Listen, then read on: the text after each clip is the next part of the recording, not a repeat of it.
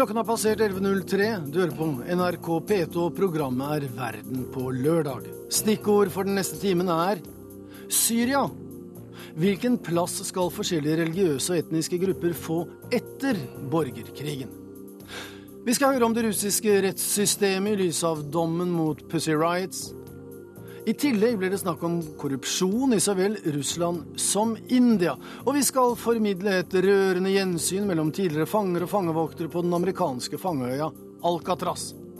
I morgen er det verdens humanitære dag, og Jan Egeland kommer i studio for å snakke om tema for dagen. Og siden dette er siste helg før Kon-Tiki-feberen bryter ut, så står fransk Polynesia på kjøreplanen. Og om tre kvarter åpner vi det Washington DC-postlagte korrespondentbrevet. Dette er Verden på lørdag. Men vi begynner nær sagt som vanlig i Syria, der konflikten ikke bare dreier seg om en ny fremtid for alle syrere, men hvordan de forskjellige religiøse og etniske gruppene skal behandles, og hvilken plass de skal få når det hele er over. I 40 år har en liten gruppe alawitter styrt over en stor majoritet av sunnimuslimer. Vi er blitt diskriminert i alle disse årene, sier sunni-syrerne. Vi er redde for å bli fordrevet, sier alawittene. Og kollega Sissel Wold har besøkt både sunnier og alawitter.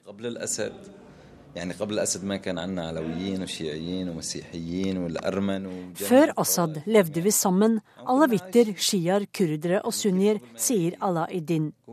Han er, som 74% av syrerne, sunnimuslim.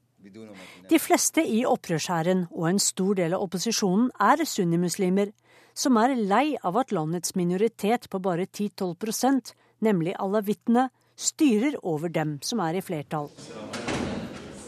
Alaidin er rundt 30 år og sitter i Baath-partiets tidligere kontorer i den syriske byen Azaz. Nå har opprørshæren overtatt disse lokalene, og har dermed fått flotte kontorer med enorme flatskjermer og elegante gardiner og møbler. På veggene ser vi rester etter portretter av Bashar al-Assad, som alle er knust. Det eneste portrettet vi ser nå, er festet med teip på nederste trappetrinn. Alle som skal inn, må tråkke på ansiktet til den syriske presidenten. Allah-Eddin har vært krigsfotograf og dokumentert opprøret mot Assad og hans alawittstyre. Det må bli konsekvenser for alawittene etter krigen, sier Idin. Men han legger til at alle som har blod på hendene, bør straffes, enten de er sunni, shia eller alawitt.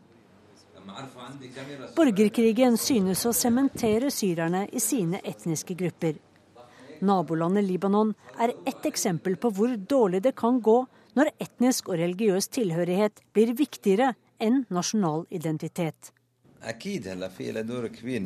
er klart at jeg som sunni føler meg mye mer avslappet og hjemme i et rent sunni-område enn i et alawittområde, sier Allah, som håper at skillene dempes noe etter hvert. Ettersom alawitter har en noe diffus religiøs praksis, spør vi hva forskjellen på sunnier og alawitter egentlig er. Vi sunnier sier vår trosbekjennelse, la ila il Allah. Det finnes ingen andre guder enn Allah, og Mohammed er hans budbringer. Men de, alawittene, mener at det er mange budbringere. De mener at Ali er hellig og Guds representant på jorda, ifølge denne opprøreren.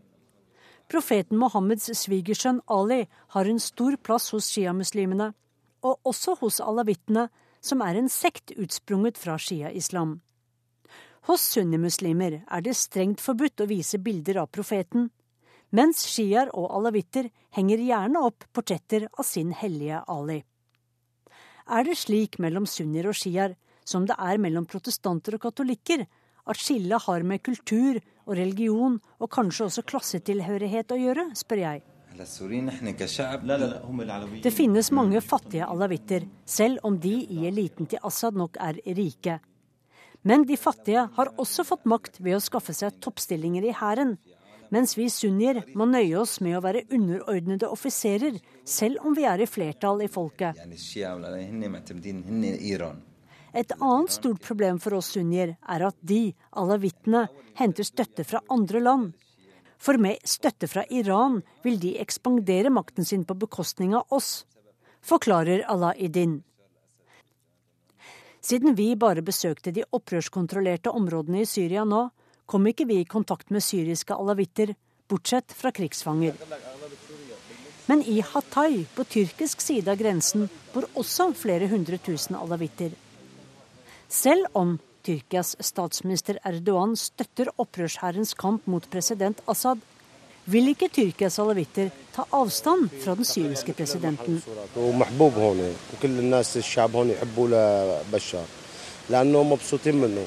Vi er veldig glad i Bashar al-Assad. Vi har alltid hatt tett kontakt med alawittene i Syria, som er våre brødre. Og før krigen besøkte vi hverandre ofte, forteller Ali Ahmad. Han selger suvenirer i den alavittiske bydelen Harbiya i Antakya. Bak et bord med godluktende grønne firkantede såper, vannpiper, portretter av Kemal Atatürk, Che Guevara, Jomfru Maria og Ali, sitter Ahmad. Han selger også portretter av Syrias president Bashar al-Assad. Eh, Liker dere Assad bare fordi han er alawitt, spør jeg. Ja, det er klart. Og han har jo ikke gjort oss noe galt. Men verden lar ikke Assad få være i fred klager Ahmad. Stakkars Assad, hvorfor er alle ute etter ham, spør Salah Ibrahim, som står i boden ved siden av. Så alle alawitter holder sammen, spør jeg.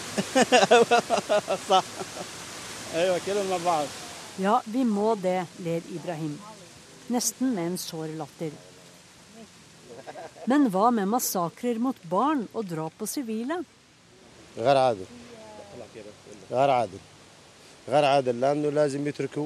Urettferdig kritikk og feilaktige beskyldninger mot Assad, sier begge to, som mener at utenlandske grupper og terrorister står bak konflikten i Syria. Før kolonimaktene trakk grensene etter det osmanske rikets fall, tilhørte tyrkiske Antakya og Syria det samme riket. Demografien er den samme nå, og alawitter bor både i Tyrkia og i Syria. Skal vi tro Wikipedia, finnes det 2,7 millioner alawitter i verden, hvorav 2,1 million bor i Syria. Rundt 450 000 bor i Tyrkia. Alawitter frykter hva som skjer når Assad mister grepet. Men Saleh Ibrahim og Ali Ahmed tror ikke at Assad faller. Ingen kommer til å velte ham, han er for sterk, slår Ali Ahmed fast. Men flere alawitter sier når mikrofonen er lagt bort, at de er redde, ja, de er livredde, og i aller verste fall frykter de å bli fordrevet. Tror Ahmed og Ibrahim på en liten alawittstat med Bashar al-Assad som leder? Ja, alt er mulig. Også en kurdisk stat og en sunnistat. Vi hører stadig rykter om dette når vi snakker med slekt og venner i Syria, sier Ali. Kanskje kan ikke alle leve sammen som bare syrere etter denne blodige borgerkrigen. Men foreløpig vet ingen når krigen vil brenne ut. Og Det sa Sissel Wold, og selv om vi formelig så situasjonene hun beskrev, radioen har jo som kjent de beste bildene, som vi sier her i P2, så kan man også se de egentlige fotografiene, altså bildene på nrk.no for ikke å snakke om de levende bildene som ventelig kommer på Søndagsrevyen i morgen.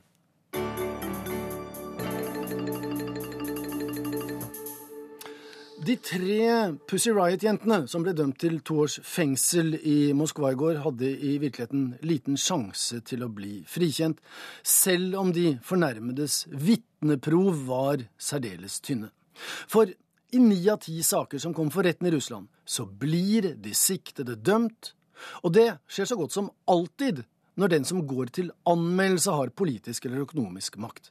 Vår utenrikskommentator og tidligere Moskva-korrespondent Gro Holm utdyper. Med musikk, humor og seksuelle undertoner lagde Pussy Riot-jentene politisk teater i selve symbolet på sammensmeltingen av politisk og religiøs makt i det postsovjetiske Russland, Kristi Frelserkatedralen, noen steinkast fra Kreml. Iført fargesprakende finlandshetter framførte de en punkebønn til jomfru Maria om å fordrive Putin fra Russland, bare dager unna det russiske presidentvalget i mars. Nå venter to år i fengsel for tre av dem som deltok. Den russiske grunnlovens garanti om likhet for loven gjelder bare på papiret. Ukorrupte dommere og statsadvokater er et unntak. Eksempelvis var eiendomsmagnaten og milliardærhustruen til Moskvas mangeårige borgermester part i over 100 rettssaker og tvister. De vant alle som en så lenge Luzjkov var borgermester. Etter at han gikk av, snudde domstolslykken. Dommere må godkjennes av presidenten eller av øverste kammer i parlamentet. Deres rykte avhenger av meningen til de lokale rettsformennene, som utpekes for seks år av gangen. Rettsformennene og dommerne står under enormt press fra mektige samfunnsinteresser, og mange makter ikke presset, eller blir for fristet til ekstra inntekter som kan sikre barna utdanning, kona i pelskåpe eller familien et landsted. Skjønt kona, flertallet av dommerne, skal visstnok være kvinner. Jurysystemet ble introdusert i Russland i 2002, men mange saker går fortsatt med bare én dommer, og i disse sakene ender godt under 10% med frifinnelse. Systemet er som følger. Russland har en utstrakt bruk av varetektsfengsling, ofte uten skikkelig begrunnelse.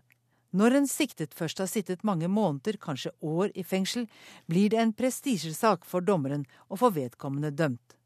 I tilfelle frifinnelse risikerer staten nemlig erstatningskrav for varetektsfengslingen. Suksesskriteriet for russiske dommere er antall behandlede saker og andelen medhold i saker der den dømte har appellert til en høyere rettsinstans. Dommerne tenderer til å beskytte hverandre, dvs. Si opprettholde fellende dommer. Det er derfor svært vanskelig å få omgjort fellende dommer i det russiske rettsvesenet. Men det finnes selvsagt ukorrupte dommere. En av dem, Aleksandr Melikov i Moskva, nektet å gjette for press og ble avsatt for angivelig latskap i jobben. Han beskriver seg selv som suksessrik. I 90% av dommene han avsa, ble den siktede funnet skyldig, og bare 1% av dem ble omgjort. Av de 10 prosentene som ble frifunnet ved første domstolsbehandling, ble over halvparten omstøtt. Men ifølge Melikov ser formannen i Moskva byrett på rettsprosessen som et instrument for å avgjøre straffelengden, ikke skyldspørsmålet. Skyldspørsmålet er i virkeligheten bortimot avgjort når saken først er kommet opp. Det var dette systemet Melikov begynte å opponere mot. Den mest kjente politiske dommen er den mot oljemagnaten Mikhail Khadarkovskij. Kanskje hadde han ikke alt på det tørre, men av alle som ikke hadde det, ble nettopp han plukket ut. Putin fryktet hans politiske ambisjoner, og domstolene var den enkleste veien å gå. Pussy Riot-jentene er på sett og vis mindre truende. Fitteopprørerne vil nok aldri samle massene, til det er de for ukonvensjonelle og respektløse. Men Putins nakne overkropp, flørt med svære motorsykler, jagerfly og andre machosymboler har fått sitt motstykke. Pussyene er feminister, antiautoritære og fryktløse. Og kanskje litt gudløse. Akkurat det er vanskelig å svelge for mange russere. Putin trenger kirken, som kirken trenger Putin. Derfor ble rettsvesenet mobilisert. Sa Gro Holm. Og i en meningsmåling gjort av det russiske Levada-instituttet i går, så sier bare 6% av de spurte at de føler sympati med de dømte jentene. 51% av russerne føler harme over kirkeprotesten. Men vi skal fortsatt dvele litt ved rettssikkerheten i vårt store naboland i øst, der korrupsjon er et alvorlig problem. Russland ligger nemlig helt nede på 143. plass på Transparency Internationals liste over korrupte land, der altså lav plassering betyr høy korrupsjon. Og det sier mye om situasjonen når russerne deler 143.-plassen med Nigeria. Det betyr at alle offentlige etater og nivåer er involvert, inkludert politikere, politifolk og, som vi nettopp hørte, dommere. Fra sin utkikkspost i Moskva har vår nåværende korrespondent Hans-Wilhelm Steinfeld bokstavelig talt god oversikt over problemkomplekset. Her fra NRK-kontoret i tiende etasje i Moskva ser jeg rett over parkringen på det russiske innenriksministeriet Politiets hovedkvarter som har vært så rystet av korrupsjonsskandaler det siste året at innenriksministeren måtte gå av i vår, og et tylf politigeneraler er tatt for grov korrupsjon sammen med en rekke statsadvokater her i Russland. Det er stille denne lørdagen, og jeg ser på det kontoret der tidligere politietterforsker Andrej Tsjemadorov hadde kontor. Han er ikke lenger i den store, hvite bygningen på Parkringen her i Moskva. Han ble tatt for 20 måneder siden for korrupsjon, og forteller selv hvor han arbeidet i det store innenriksministeriet. Последнее мое место работы – это оперуполномоченный по особо важным делам, третий отдел оперативно-следственного бюро номер 3 МВД России. Непосредственно коррупции. Det siste stedet jeg arbeidet, var som detektiv i tredje avdeling for særlig viktige saker for korrupsjon i Russlands innenriksministerium. Der jobbet jeg, sier Andrej Tsjemadorov, som har skiftet ut politikapteinsuniformen sin med den svarte fangedrakten. Her på det mekaniske verkstedet i spesialfangeleir nummer 13 i Nedre Tagil rett øst for Uralfjellene arbeider nå den 32-årige tidligere politijuristen Andrej Tsjemadorov. På dette verkstedet produseres reservedeler til Tagils vognfabrikk, Russlands største produsent av tanks. Dette er en fangeleir som er reservert for straffedømte politifolk, statsadvokater og dommere.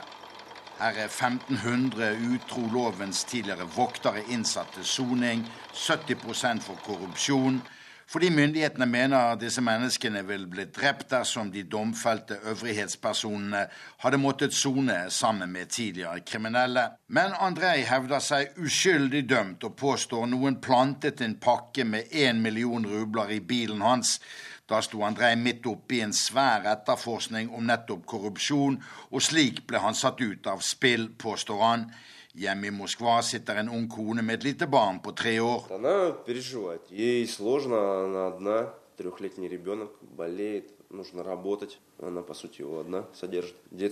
Hun sliter. Hun er alene med en liten treåring som ofte er syk. Min kone må arbeide og springer hele tiden for å bringe og hente i barnehagen. Det er vanskelig, forteller Andrej Tsjemadorov. Familiesituasjonen ellers er også vanskelig, med lite hjelp å hente. Men den bebrillede juristen med så snille blå øyne bruker all sin tid i fangeleiren på å prøve å renvaske seg. Om politiets etterforskningsmetoder i Russland, sier han. Негативное впечатление однозначно. Особенно оно усилилось после того, как, в общем-то, когда меня уже привезли на допрос к следователю, вот эта вот тенденция и линия уже изначально э, моей виновности. Inntrykket var entydig negativt, og fra det øyeblikket jeg ble fremstilt for en etterforsker, så fokuserte han bare på at jeg måtte være skyldig, forteller den tidligere detektiven fra Innenriksdepartementet, utdannet jurist i politiet og en mann som var betrodd arbeid i avdelingen for særlig viktige korrupsjonssaker i Innenriksministeriet. Men Andrej Tsjamadorov tror ikke særlig på sjansene til å bli renvasket, selv om hans sak ennå ikke er anket til Høyesterett. For i russiske domstoler er 98-99 av alle straffedommer fellende. Dette er rettsstatens store svakhet i Russland. Jeg и добиваться того, чтобы меня оправдали и реабилитировали. Jeg forfølger min sak og har anket til andre rettsinstans, men har ikke kommet videre fra den ennå. Ærlig talt anser jeg sjansene for å oppnå renvaskelse som helt minimale så lenge jeg sitter her i fangeleiren. De fins i praksis ikke. Sjefen for denne spesielle fangeleiren, som bare har tidligere utro voktere av loven bak piggtråden, er oberst Ajedar Mageratov. Hans trøstens ord til Andrej er disse.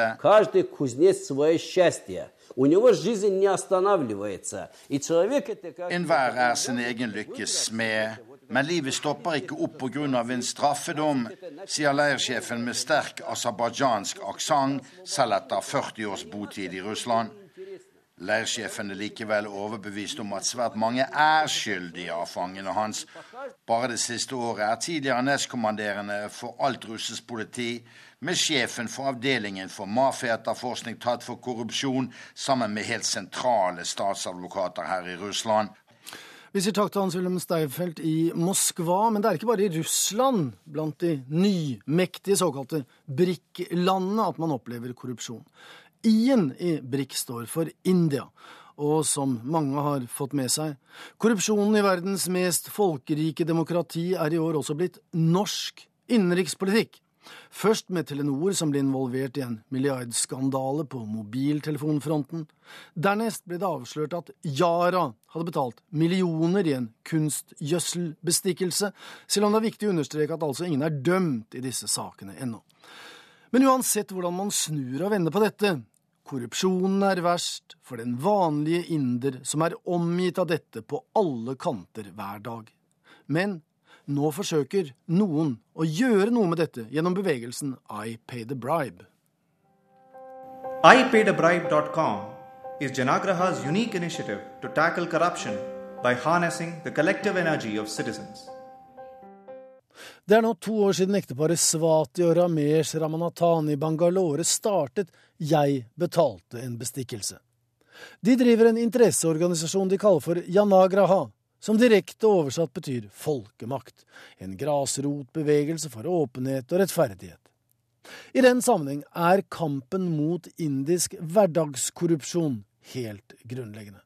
For i India har såkalt alle betalt en liten avgift, som det gjerne heter, for å komme videre eller for å slippe unna. My name is Anil. I have paid bribe for, for my electric bill to be amended once. My name is Kirti. I have paid bribe. I was driving and I was stopped by a cop. I was asked to pay 1000 but I paid 200 and walked off. Indiske medier har de siste årene brettet ut en rekke saker der sentrale politikere er involvert i milliardskandaler. Ille nok, men for én milliard indere dreier det seg som oftest om 10-15 kroner. Småpenger, kan vi si. Men når en dagslønn for det store flertallet av inderne ligger akkurat der, så forstår vi at det svir. Og enda verre, det er på ingen måte en engangsforeteelse, det skjer hele tiden. Overalt der byråkrater sitter på et skjema eller har et stempel som du trenger, eller du er avhengig av deres underskrift eller deres tid. Ti kroner her eller hundre rupis der. Det blir fort penger av det. Så utbredt er det, ifølge antikorrupsjonsaktivisten Nikhil monolith uh, that sort of over, that stands over everything or every phase of governance. India er et byråkratisk land der byråkratiet har stor makt, og byråkratene har vært kreative. For enkle oppgaver som å arrangere et møte, sette opp en teaterforestilling eller åpne en liten butikk, trengs et 20-30-talls tillatelser. Køene kan fort bli mange og lange. En eh, avgift kan bringe deg fremst i køen. En enda høyere avgift betyr at du slipper køen, og saken er løst. Men det kan også være at du må betale for å unngå problemer. En politimann kan f.eks. hevde at du ikke har luft nok i dekkene, eller at foreldrenes navn ikke er skrevet inn i vognkortet. Oppdiktede tullepåstander som ikke vil holde i retten. Men det er bare å betale. For det første fordi du sparer tid. Politimannen har tid nok. Og dessuten, det nytter ikke å klage. Hans overordnede i alle ledd har provisjon. Og hvis du er sta eller gal og tar saken til retten, hva hjelper vel det? En meningsmåling viste nylig at 95% av de spurte mener at rettsapparatet, helt til topps, har svin på skogen. Should the judiciary be more accountable? 95% feel that the higher judiciary should be made more accountable. Remember, there have been ugly allegations against the former Chief Justice of India. 5% feel otherwise. Mediene som har konsentrert seg om de store sakene der milliarder, både i rupis, kroner og dollar, overføres til svarte konti i utlandet, har fra tid til annen også innslag om hverdagskorrupsjonen. Problemet er at den slags skjer så ofte at det strengt tatt ikke er en nyhet. It's a common story in India where for many people paying bribes is a daily chore. Earlier this year, Indian protesters demanded that their government do something about the problem. Den store utfordringen for korrupsjonsjegerne i India, verdens største demokrati, er ikke at folk er sløve, at de stilltiende og skuldertrekkende har resignert. Tvert imot. De siste par årene har en korrupsjonstrett middelklasse reist seg. Brått og uventet oppsto det en folkebevegelse på tvers av kaste og religion, uavhengig av ideologiske skillelinjer eller politiske partier. De protesterende krevde at de folkevalgte måtte gjøre noe. Men politikerne er dessverre ikke en del av løsningen. De er selve problemet. Og som sådan er man like langt.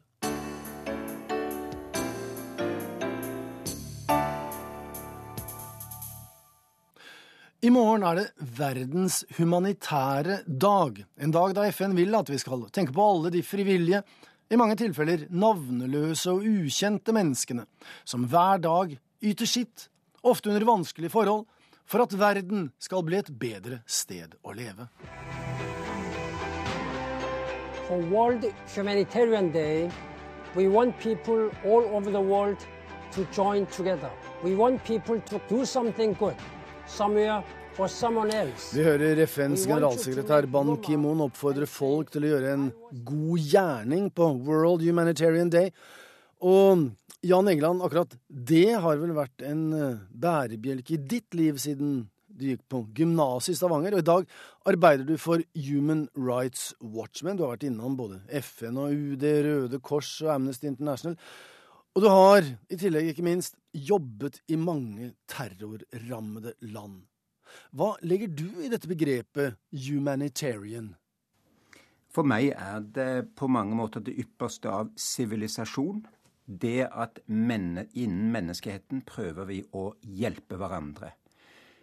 Humanitære prinsipper eh, dreier seg først og fremst om at man skal hjelpe de som har størst behov, når de har disse behovene, uavhengig av ramme politisk legning, kulturell eller religiøs orientering. I tillegg er det en del operasjonelle krav. Man skal være nøytral, upartisk til den politiske konflikten. Man skal være uavhengig av parter og makthavere. Man skal være kun der på vegne av ofrene og for ofrene. Disse prinsippene er det altså som skal markeres da i morgen. Og 19. august ble valgt fordi det var datoen i 2003 da FNs hovedkvarter i Bagdad ble sprengt i luften av en Al Qaida-bilbombe, og 23 mennesker ble drept. Blant dem generalsekretærens spesialutsending til Irak, den brasilianske diplomaten Sergio Vieira de Melo. Du jobbet i FN på den tiden. Du kjente ham. Hvordan rammet dette FN? 19.8.2003 var min første dag på jobb som den globale eh, humanitære nødhjelpskoordinatoren. Sergio Viera de Mello var en, en, venn. Han hadde ringt meg flere ganger fra Bagdad. Han hadde lånt min privatsekretær, ba om, om hun kunne bli der lengre. Ville også ha noen andre av nøkkelpersonellet i mitt kontor. Jeg sa ja til det. Det kostet et par av dem livet, og privatsekretæren min fikk ødelagt synet for alltid. Det ikke bare rammet min organisasjon, det rammet hele FN på samme måten som 22.07 rammet Norge og 11.9 USA. Organisasjonen, disse landene, var totalt uforberedt på det. Det er på mange måter det som er terrorens natur. Man er helt uforberedt. Man, man hadde ikke forberedt seg godt nok. Man visste ikke hvordan man skulle verken forebygge det eller håndtere det. Ja, for Da har du allerede begynt å trekke paralleller mellom eh 19.8.2003 Bagdad, 22.07.2011 Oslo, med kanskje en viss form for naivitet i forkant. Så kommer rapportene og kommisjonen og kritikken. Så kan det altså da bli overreaksjoner, og, og kanskje også da etterpåklokskap. Så man det i Bagdad? Hva gjorde man feil i Bagdad i 2003, etter bomben? Det er en del paralleller, faktisk. Eh, mye også pga. at den terroren er nå blitt global. Den rammer forholdsvis likt og like ubønnhørlig og alltid uskyldige, enten det er i Bagdad, i New York eller i Oslo eller på Utøya. Eh, det som eh, er lærdommen fra ikke minst FN i 2003, også USA i, i, i 2001. Jeg, jeg, bodde i USA, jeg var i USA eh, både før, under og etter eh, terroren der. Lærdommen er rett og slett at man så ikke varslene. Man klarte ikke å forstå faresignalene. Etterretningen var for dårlig, og eh, beredskapstiltakene var, var for dårlige. Og man hadde ikke gjort beskyttelsestiltak som var helt basale. Alle de tre har hatt sine nå undersøkelseskommisjoner. Den i FN i 2003 sto jeg veldig nær. Eh, den endte opp med at det ble dessverre en jakt på syndebukker. Eh, det ble delvis drevet fram av fagforeningen i FN beskrevet det i, i, i, boka mi 'Det nytter', eh, hvordan de humanitære hjelpearbeiderne i Irak følte det var helt galt at man begynte å, å, å prøve å finne hvem var nærmest skyldig i det innenfor FN, og ikke at vi skulle trekke lærdommer for hvordan drive effektivt hjelpearbeid i framtiden i terrorens eh, tid. Det har vel vært helt opp til dagen i dag før FN har funnet den rette balanse mellom risiko og beskyttelsestiltak. Ja, for dere, Det har vært snakket mye om åpenhet i Norge det siste året. Eh, man kan kanskje også kalle det tillit. Dere som driver med humanitært arbeid, dere er fullstendig avhengig av tillit. Dere kan ikke gå i bunkersen.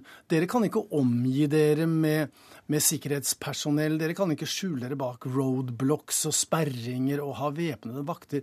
Du snakker om dette denne balansen Dere må jo ut blant folk, og dermed oppsøke den risikoen som du samtidig advarer mot. Hvordan, hvordan får dere til det?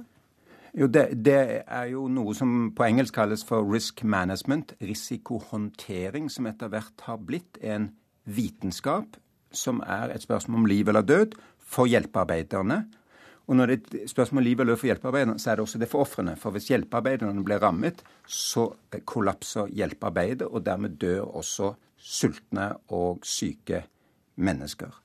Det er to feil man kan gjøre, etter mitt skjønn. Det, det, den største feilen, det er jo recklessness, altså dumdristighet. Det var det FN gjorde da man gikk inn i Bagdad i april 2003. Ingen sikringstiltak, ingen forståelse for den situasjonen som var der. Man trodde ved å, å, veive det blå flagget og si nå har vi en resolusjon fra FN, så ville alle parter forstå at FN var der for å gjøre gode ting. Så eh, kan man da gjøre den andre store feilen, og det er risikoaversjon. Og det, er, og det var en konsekvens av at man i FN ville finne syndebukker. Etter hvert så, så var det da le ledere som sier det verste jeg kan gjøre, er å ta risiko med mine ansatte. Det er nærmest bedre at vi ikke kommer ut blant kvinner og barn i krigsområder, enn at vi tar risiko med hensyn til de ansatte. Og så fikk man denne her bunkerization, altså man gravde seg ned i bunkers bak piggtråd, eh, pansrede biler, kom ikke i kontakt med mennesker. Brukte lokale organisasjoner til å ta risikoen. Og det er nesten en like stor feil som dumdristigheten. Takk for at du kom i studio, Jan Egeland fra Human Rights Watch.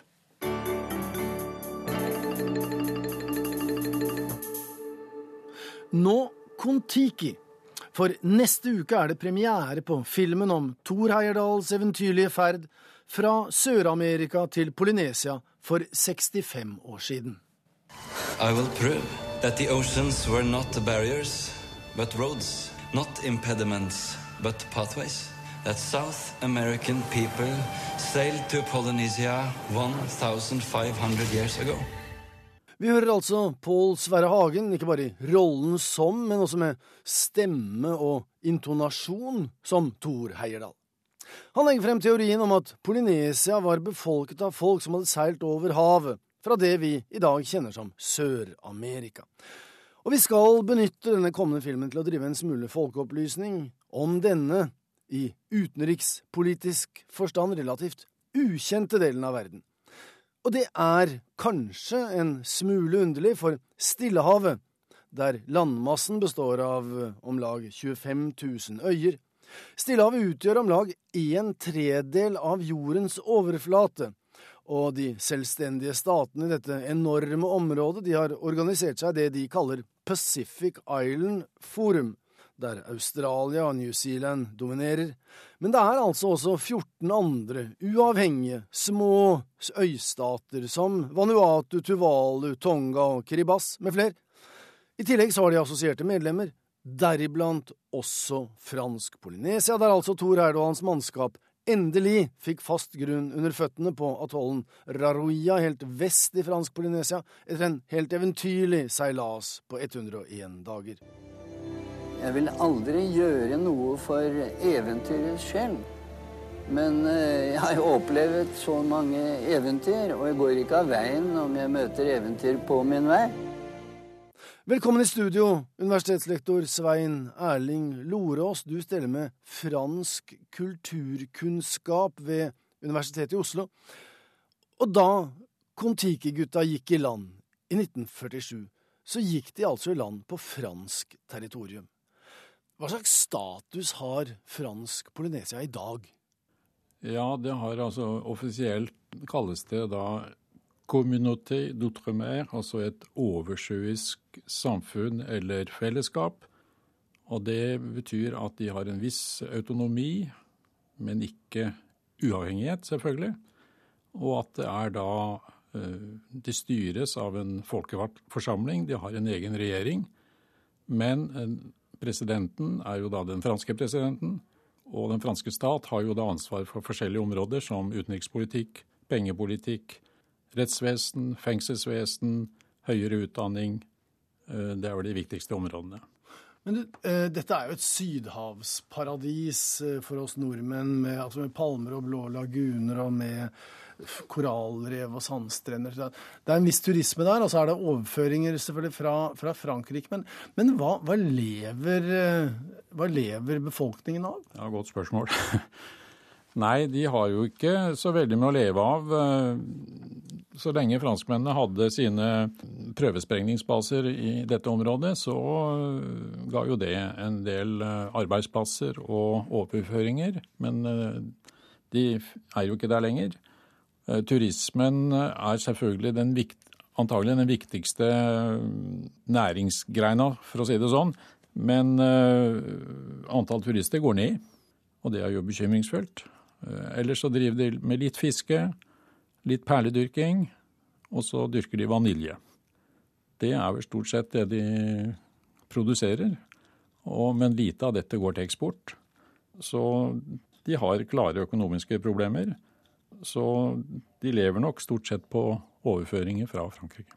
Du nevnte kontroversielle kjernefysiske prøvesprengninger som da varte fra 66 til 96.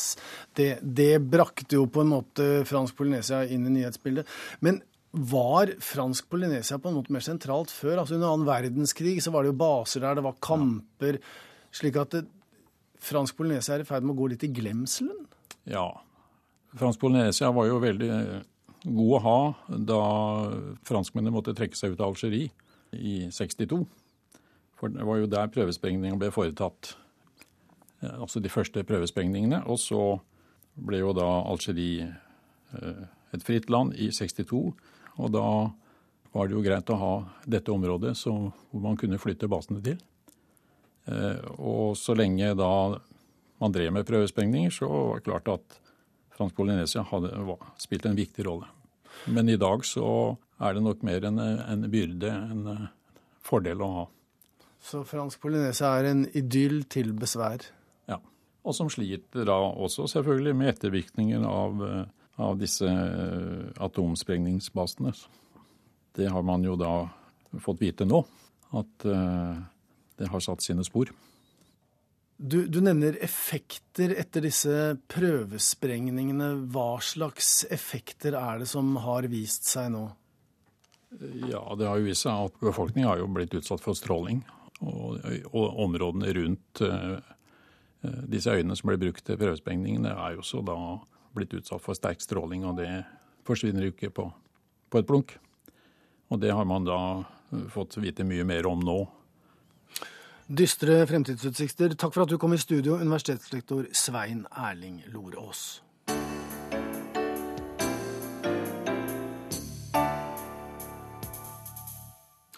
Hetebølge kan stå som stikkord for ukens korrespondentbrev, som er undertegnet Jon Gelius. Det har gått i hundre i sommer her i Washington DC. Folk har okket seg og tørket svette. Dag etter dag har de sett at gradestokken har passert 100 Fahrenheit, eller nesten 38 varmegrader. Hetebølgen har dratt temperaturene over 40 varmegrader i flere perioder. Fortsatt har vi det godt og varmt med en snittemperatur de siste ukene på rundt 30 varmegrader. Det kan gi seg så ymse utslag som at sansene sløves. På en bensinstasjon ikke mange kvartalene fra NRKs korrespondentkontor i sentrum av Washington DC sto en gedigen sort personbil parkert for å fylle drivstoff. Bilen var av samme type som president Obama og hans familie fraktes rundt i på sine private utflukter. Bak rattet satt ingen presidentsjåfør, men en middelaldrende herre og gestikulerte ivrig i mobiltelefonen. Han hadde satt pumpehåndtaket på autolås i bensintanken, og ventet på at den enorme tanken skulle fylles opp. Etter noen minutter stanser bensinfyllingen med et høyt knepp, og pumpehåndtaket blir stående stille. Jeg venter at sjåføren skal gå ut for å sette slangen tilbake i bensinpumpen, men han fortsetter ivrig med sin telefonsamtale. Og så, uten forvarsel, ser jeg at han setter bilen i gir og kjører av gårde. Et kraftig smell, og bensinslangen slynges inn i siden på hans gedigne farkost. Hele slangen er rykket tvert av fra pumpen. Sjåføren stanser brått, åpner bildøren og kikker ut. Jeg kan se at han smeller av gårde noen gloser i mobiltelefonen, før han haster inn til ekspeditøren på bensinstasjonen. Noen få uker senere er jeg på et av mine lokale kjøpesentre. En postbil prøver å presse seg ut i veibanen fra en bensinstasjon. Flere biler tuter iltert, og postmannen tenker sikkert i sitt stille sinn at dette var da noen sære bilister som ikke kunne slippe ham inn i køen. Tutingen vedvarer når postbilen forsiktig beveger seg én meter nærmere veibanen. Og det er først da at postmannen forstår at han bør kikke ut på sin egen bil. Han stiger ut av den vesle, hvite, uniformerte bilen sin, og jeg kan se at han sperrer opp øynene, for hva henger og slenger ut av bensinlokket? Jo, hele bensinslangen.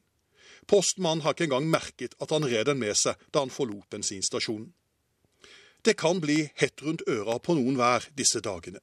På terrassen hjemme knelte våre store utendørs kubbelys da gradestokken viste 35 grader i skyggen.